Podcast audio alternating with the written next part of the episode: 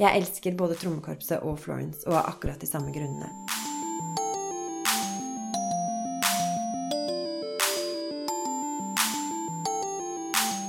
Hei, og velkommen til Sykepleiens podkast.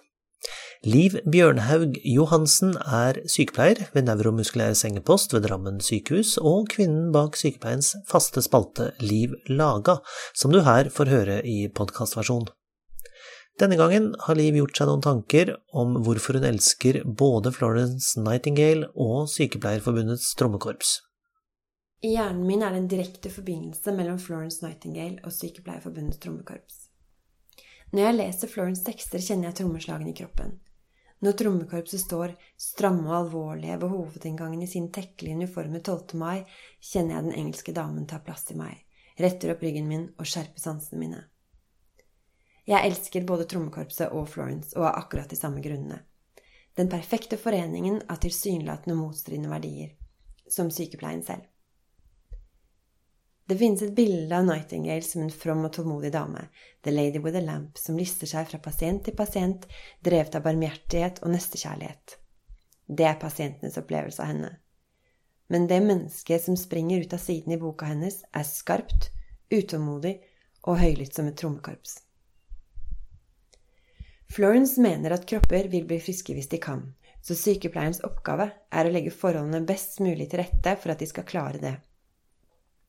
Dermed er hun kompromissløst opptatt av hver minste detalj ved pasientenes velvære, og nådeløs mot velmente sykepleiere som lufter for mye eller for lite, som gir feil mat, plasserer senga feil sted, snakker for høyt eller for lavt, trår for hardt på gulvet, eller ikke evner å observere hver minste endring i pasientens tilstand og tilpasse pleien deretter. Florence har meninger om det meste, og hun er alltid skråsikker. Der forskningen hevder noe annet enn henne, er hun kontant og tviler ikke et sekund på sine egne observasjoner. Pasientens mage har rett, lærebøkene tar feil. Florence bok er full av påstander og fikse ideer. Dette er ikke oppspinn, forsikrer hun bestemt uten noe videre referanser enn sine egne erfaringer, men det holder i bøtter og spann. Det går ikke an å skrive sånne bøker lenger. Vi er underlagt krav til vitenskapelighet, alt skal henvises og refereres. Men mens forskning i all hovedsak foregår i kontrollerte omgivelser med utvalgte deltakere, feiler våre pasienter ti ting på en gang. De er forskjellige.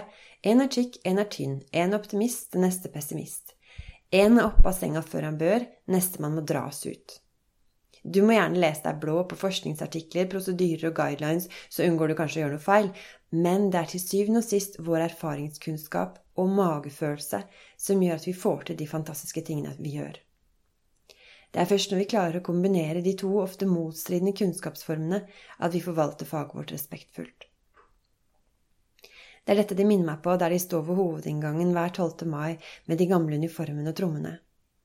Vi står i en lang tradisjon av yrkesutøvere med stor integritet og stort ansvar. Derfor skal vi være skarpe og høylytte som trommene, og fulle av selvtillit, som Florence Nightingale. Det var Liv Bjørnhaug Johansen med sin faste spalte Liv laga. Om du vil høre flere episoder av Sykepleiens podkast, så finner du alle sammen på sykepleien.no, på iTunes og på podbean.com. Om du bruker iTunes, så setter vi pris på en liten anmeldelse eller vurdering, og du kan også sende inn det du måtte ha av kommentarer og innspill til redaksjonen at sykepleien.no. Du når oss også via Sykepleiens Facebook-side eller vår Twitter-konto. Jeg heter Ingvald Bergsagel. Vi høres.